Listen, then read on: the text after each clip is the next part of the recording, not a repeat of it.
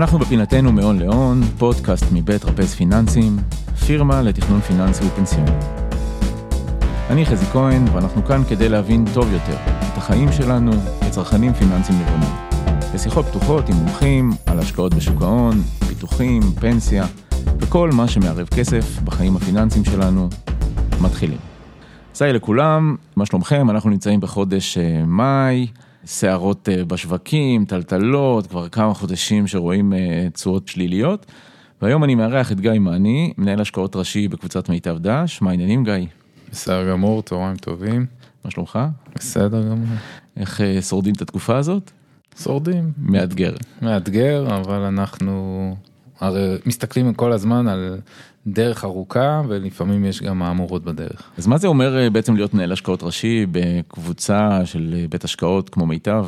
מיטב, ששינתה את השם ממיטב דש למיטב, אה, מנהלת כבר קרוב למעל 200 מיליארד ש"ח ובחיסכון ארוך טווח אנחנו כבר קרוב ל-90 מיליארד ש"ח ומנהל השקעות ראשי בקבוצה הזאת זה מצד אחד אחריות מאוד מאוד גדולה, מצד שני זה גם תפקיד מאוד מעניין ומאתגר.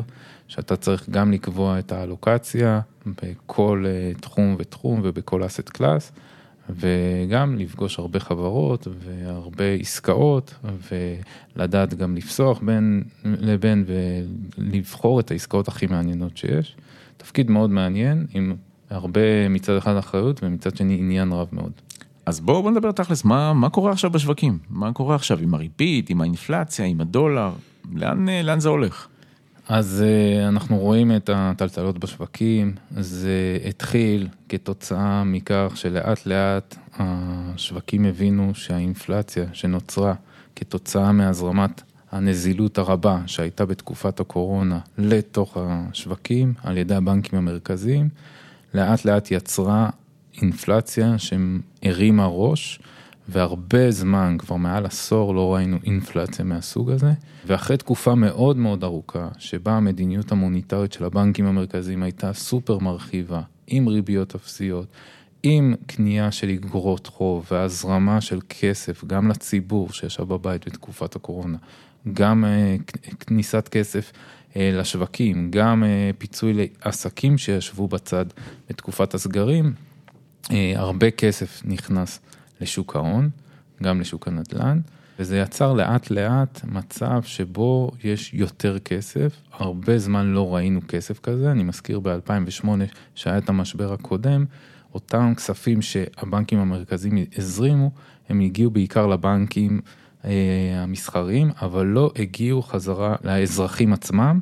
ופה בקורונה ראינו את זה מגיע לאזרחים ויש הרבה יותר הוצאות כספים ממה שראינו בעשור האחרון. כל הדבר הזה יחדיו יצר סוג של אינפלציה שלא ראינו כדוגמתה תקופה מאוד ארוכה, מדברים משנות ה-70, אינפלציה בארצות הברית של מעל 8 אחוזים, אינפלציה באירופה של מעל 6 אחוזים, אירופה בכלל לא הייתה רגילה ושבעה לאינפלציה. Mm-hmm. אנחנו רואים גם את האינפלציית הליבה עולה, כלומר גם האינפלציה של השירותים הייתה במגמה מאוד מאוד משמעותית של עלייה. היה מחסור בעובדים בתקופת הקורונה, וכתוצאה מכך המעסיקים היו צריכים להעלות שכר, ויש לחצי שכר. כל הדבר הזה גרם גם כן לכך שחלק מהשכר גולגל למוצרים ולעליית מחירים, וזה לא פסח על הבנקים המרכזיים. אם אני מזכיר, לפני בדיוק חצי שנה הבנקים אמרו זה אינפלציה זמנית כתוצאה מבעיות היצע. על רקע מה שקרה בקורונה ושיש בעיה בקווי הייצור וזה ייפתר ומחירי ההובלה שנסקו לשמיים ומכולה מ-2,000 ל-20 אלף ו-25 אלף דולר עלתה, אה, זה דבר שייפתר. הבינו שאנחנו פה בבעיה של אינפלציה שהיא כבר יותר מטרידה והיא לא משהו חולף כל כך מהר. לתוך זה גם נכנס כל הסוגיה של רוסיה-אוקראינה. מזכיר שאוקראינה וגם רוסיה הם שתי... מדינות מאוד גדולות, שהן גם יצואניות מאוד משמעותיות של חומרי גלם, בעיקר בתחום המזון והאנרגיה, אם זה גז טבעי ונפט, ואם זה חיטה וסויה ושמנים למיניהם, ואוקראינה הייתה הסם התבואה של אירופה. כל הדברים האלה גם הביאו לזינוק במחירי הסחורות האנרגטיות והחקלאיות. כל הדבר הזה ביחד הביא לחששות מאינפלציה מאוד מאוד משמעותית, ולא רק האינפלציה בפועל התחילה לעלות, אלא גם ציפיות האינפלציה שהשווקים חזו, אה, זינקו להם, וכתוצאה מכך הבנקים, בעיקר הפד, לא יכול להישאר אדיש ושינה תקליט לפני מספר חודשים ואמר שהוא הולך בעיקר כרגע להתמקד בבעיה של האינפלציה. וזה אומר, אין העלאת ריבית בצורה משמעותית יותר ממה שהיינו רגילים בעבר, שג'נט ילד העלתה את הריבית ברבע ורבע ושבעה לאינפלציה של שני אחוז, פה הם התחילו לדבר על אינפלציה של חצי אחוז, והשוק אפילו התחיל אה, לחשוש מריבית של 0.75 אפילו העלאת ריבית במכות אה, של כל מפגש ומפגש. כל הדברים האלה ביחד גרמו לכך שגם הריבית הקצרה עלתה, היום היא מגלמת כמעט שנתיים, 2.7, 2.8, וגם אגרות החוב הארוכות לעשר שנים זינקו מלפני חצי שנה 1.6, היום הם מעל 3 אחוז. הדבר הזה מאוד מאוד משפיע כמובן על כמה דברים. אחד, ריביות המשכנתאות, אנחנו רואים שהן בזינוק בכל העולם. בארצות הברית הריביות על המשכנתה כבר הן מעל חמישה אחוז, אה, וגם בישראל אגב, מי שהולך וליטול משכנתה חדשה, זה משכנתה שונה לגמרי mm-hmm. ממה שמישהו נטל אותה לפני כשנה. יש לזה השלכות רבות על גם תמחורים של איגרות החוב של החברות, אשר מתממנות הרי בשוק ההון, פתאום הריביות עולות, אז גם התשואות לפדיון שבהם הן אמורות לגלגל את החוב שלהן עולה, ובהמשך הפירמידה כמובן יש את הנושא של שוק המניות. ככל שהריבית חסרת סיכון עולה, אז גם פרמיית הסיכון על המניות צריכה לטפס, ויש התאמת מכפילים כלפי מטה. אז אם בתחילה, לפני חצי שנה בערך, המכפיל של ה-S&P היה סדר גודל של 22, 23, היום הוא עומד על 17. Mm-hmm. ההתאמה הזאת נבעה מכך שהריבית חסרת סיכון עלתה, פרמיית הסיכון על המניות כמובן צריך לקחת אותה, כי מניה זה יותר מסוכן מאיגרת חוב, mm-hmm. ועל כן גם השווקים ירדו ונזלו, כמובן בהתאם לסקטורים, מה שהיה עם מכפילים יותר גבוהים כמו סקטור הטכנולוגיה, חטף יותר ממניות אה, הערך למיניהן שירדו, אבל ירדו בשיעור יותר נמוך. אז אנחנו בעצם רואים גם את התגובה של שוק המניות ושוק האג"ח לאינפלציה שעולה, לציפיות אינפלציה וגם לציפיות להעלות ריבית נוספות. איך זה השפיע על שער הדולר? אז אנחנו רואים שקודם כל שער הדולר בעולם היום הוא בשיא של 20 שנה כמעט. הוא התחזק מאוד גם מול היורו, גם מול היין. אחת הסיבות לכך הם שגם הבנקים המרכזיים באירופה וגם ביפן לא ממהרים כרגע לשנות את הריבית, מנסים עדיין להחזיק אותה נמוכה, למרות שאירופה, כבר אנחנו רואים את האינפלציה המזנקת, עדיין חברי ה-ECB שם קצת ממתינים, אבל אני מעריך שבמהלך השנה כבר יעלות את הריבית, אבל כמובן לא בקצבים של הברית, ולכן פער הריביות הגלום בין הברית לאירופה ובהחלט ליפן, ששם בכלל גם אין אינפלציה עדיין, מביא להיחלשות של אותן מטבעות מול הדולר.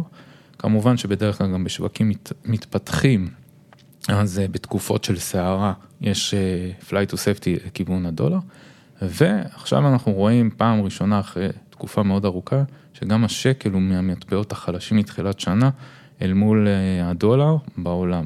כלומר השקל נחלש בכ-10% מול הדולר מתחילת השנה. לרוב ישראל, ואנחנו ראינו מגמה מאוד אה, משמעותית בשנים האחרונות, שדווקא השקל הוא מהמטבעות החזקים, האיסוף של השקל מול שר המטבעות היה בצורה מאוד מאוד אה, מתודולוגית של הרבה שנים, על רקע שאנחנו נחשבים גם מעצמת הייטק, גם יש פה מאגרי גז שנמצאו, הרבה מאוד כספים של חברות מחו"ל שרוכשות סטארט-אפים וחברות הייטק, או עושות IPO, חברות הייטק.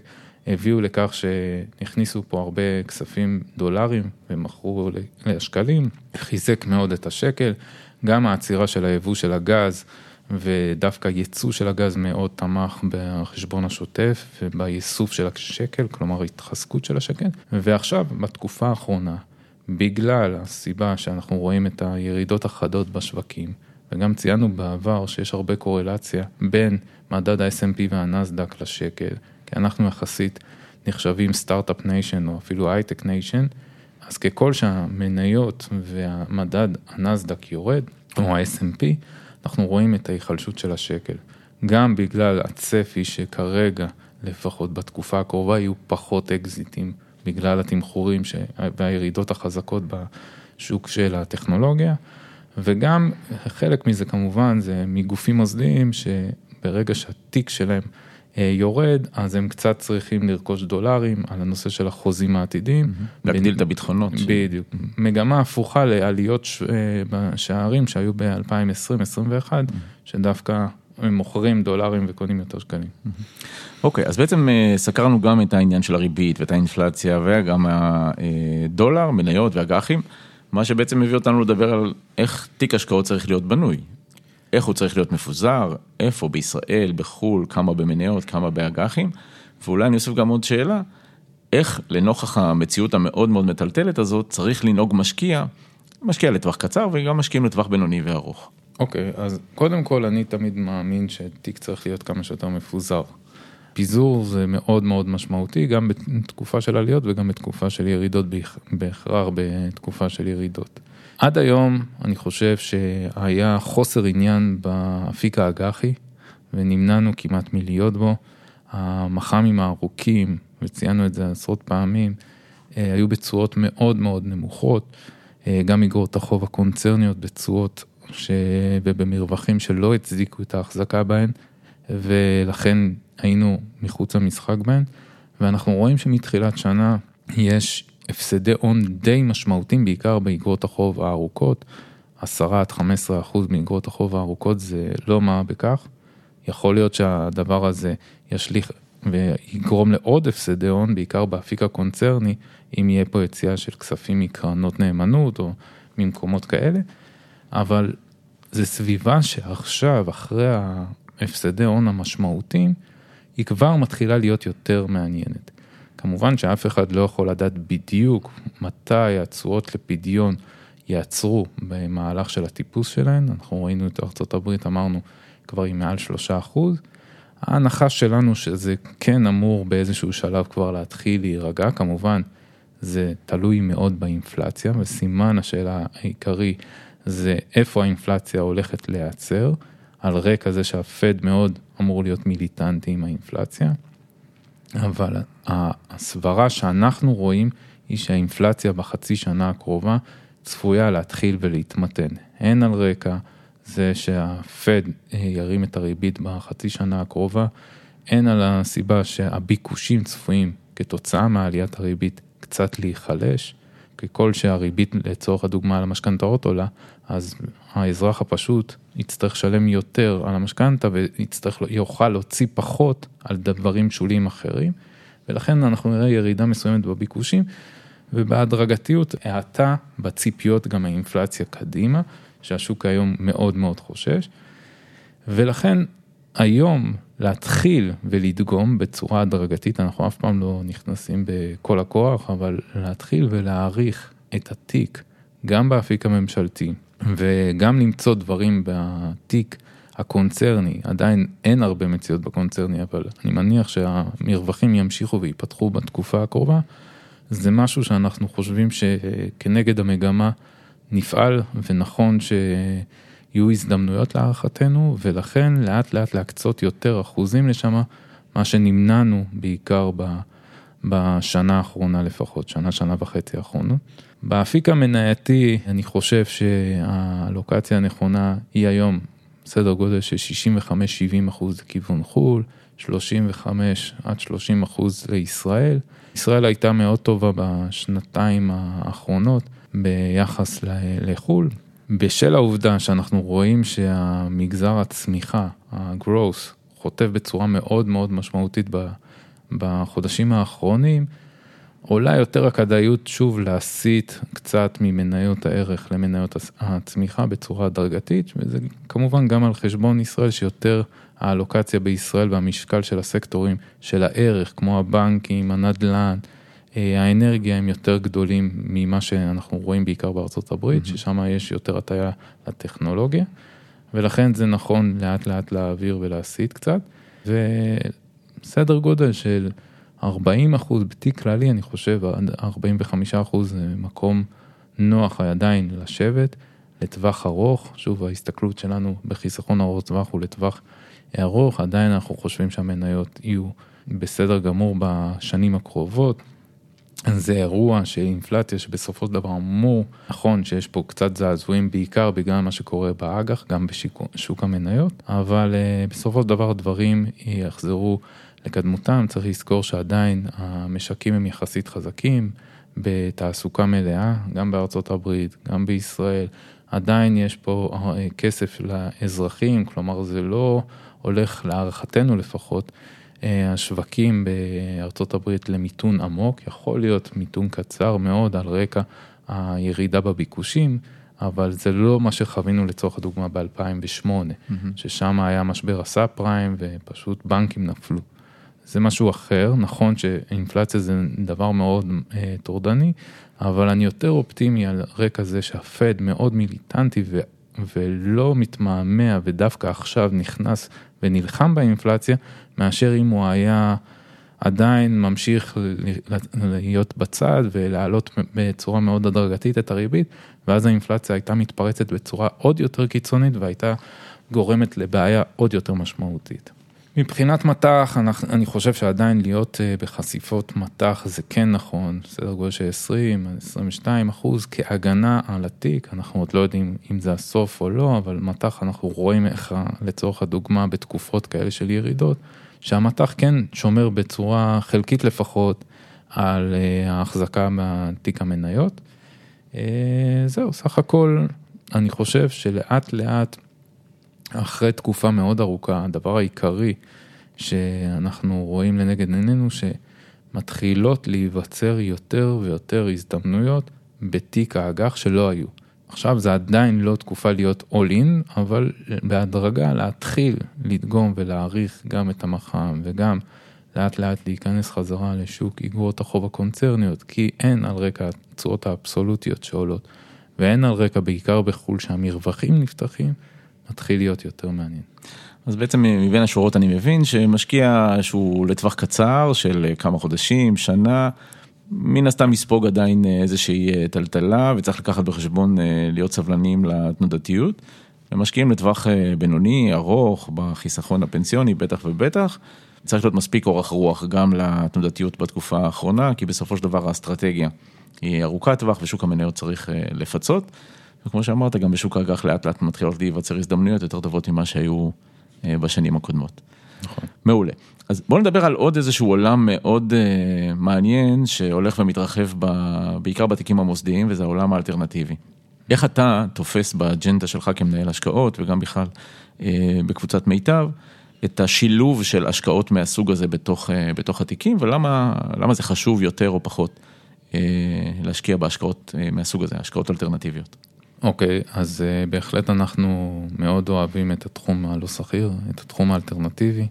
Uh, כבר שנים רבות אנחנו משקיעים בתחום הזה, הן בסקטור התשתיות, הנדל"ן, ה private equity והאשראי, בצורה מאוד מאוד מתודולוגית, עם האסטרטגיה שכל, לפי בצירים אנחנו עובדים, ואחד הסיבות לכך הוא שאנחנו יודעים וחושבים שיש בדרך כלל יותר קורלציה נמוכה ממה שיש בשוק הסחיר.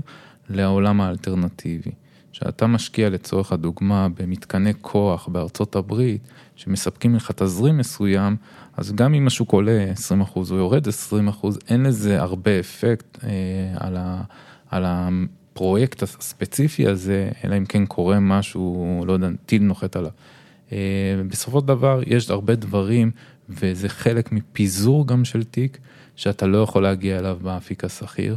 והרבה כסף טיפש כשנכנס גם לקרנות ריט, זה לא מה שבהכרח יהיה בתיק הלא שכיר שלך. ולכן זה א', פיזור, כמו שאמרתי שיש חשיבות מאוד מאוד משמעותית לפיזור. שניים, קורלציה יותר נמוכה לשוק השכיר, שזה גם לחיוב, גם בעליות וגם בירידות. Mm-hmm. ו... וזה בחיסכון ארוך טווח, שהאנשים שזה לפנסיה שלהם ולהשתלמות והגמל שמבחינתי זה גם כן סוג של פנסיה, אה, זה דבר שאני חושב שצריך להיות בתיק במינון נכון, סדר גודל של 20% מהקופות, היום אנחנו בערך ב-15, סדר גודל של 20% שיהיה לך רכיב לא שכיר שמספק, אבל תשואה לפדיון טובה ממה שהאלטרנטיבה בשוק השכיר מספק, זה דבר נכון להיות בו. לפעמים יש תקופות שבו יש אנומליה בשוק השכיר, שאתה אומר, יכול להיות שזה לא הזמן לחשוב להשקיע בלא שכיר. תקופות בעיקר של משבר, mm-hmm. שאתה אומר דווקא השוק השכיר יותר מעניין מהשוק הלא שכיר, ואז לפעמים אתה קצת נותן ברקס בתקופות האלה ללא שכיר. אבל לרוב במגמות הם לא כמו הימים האחרונים או בתקופת הקורונה ב-2008, לרוב השוק עולה בצורה הדרגתית כמובן ולא נופל בחדות, ואתה מייצר לך הזדמנויות שנוצרות בשווקים עבור העמיתים שלך.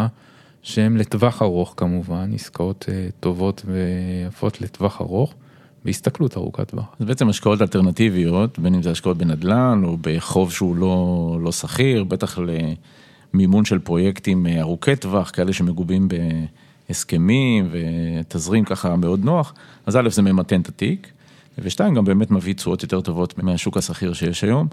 אה, ראיתם את ה... בוא נגיד את האפקטים האלה ממש בתקופה הזאת של הטלטלות, איך זה בא לידי ביטוי בתוצאות? סך הכל מבחינת הטלטלות, אז כמובן שמה שיותר גורם לירידות אצלנו זה השוק המניות והסקטור הטכנולוגיה.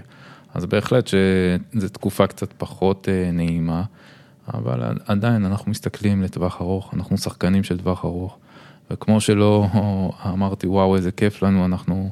טובים מאוד בתשואות בשנתיים האחרונות, ואמרתי חבר'ה אנחנו מסתכלים על טווח ארוך, אז גם אם יש, אה, יש חודשיים שיש ירידות, אנחנו גם פה אומרים עוד פעם, צריך להסתכל לטווח ארוך, צריך לראות את הדברים לונג אה, ולא להילחץ ולא להיכנס ללחץ, ו...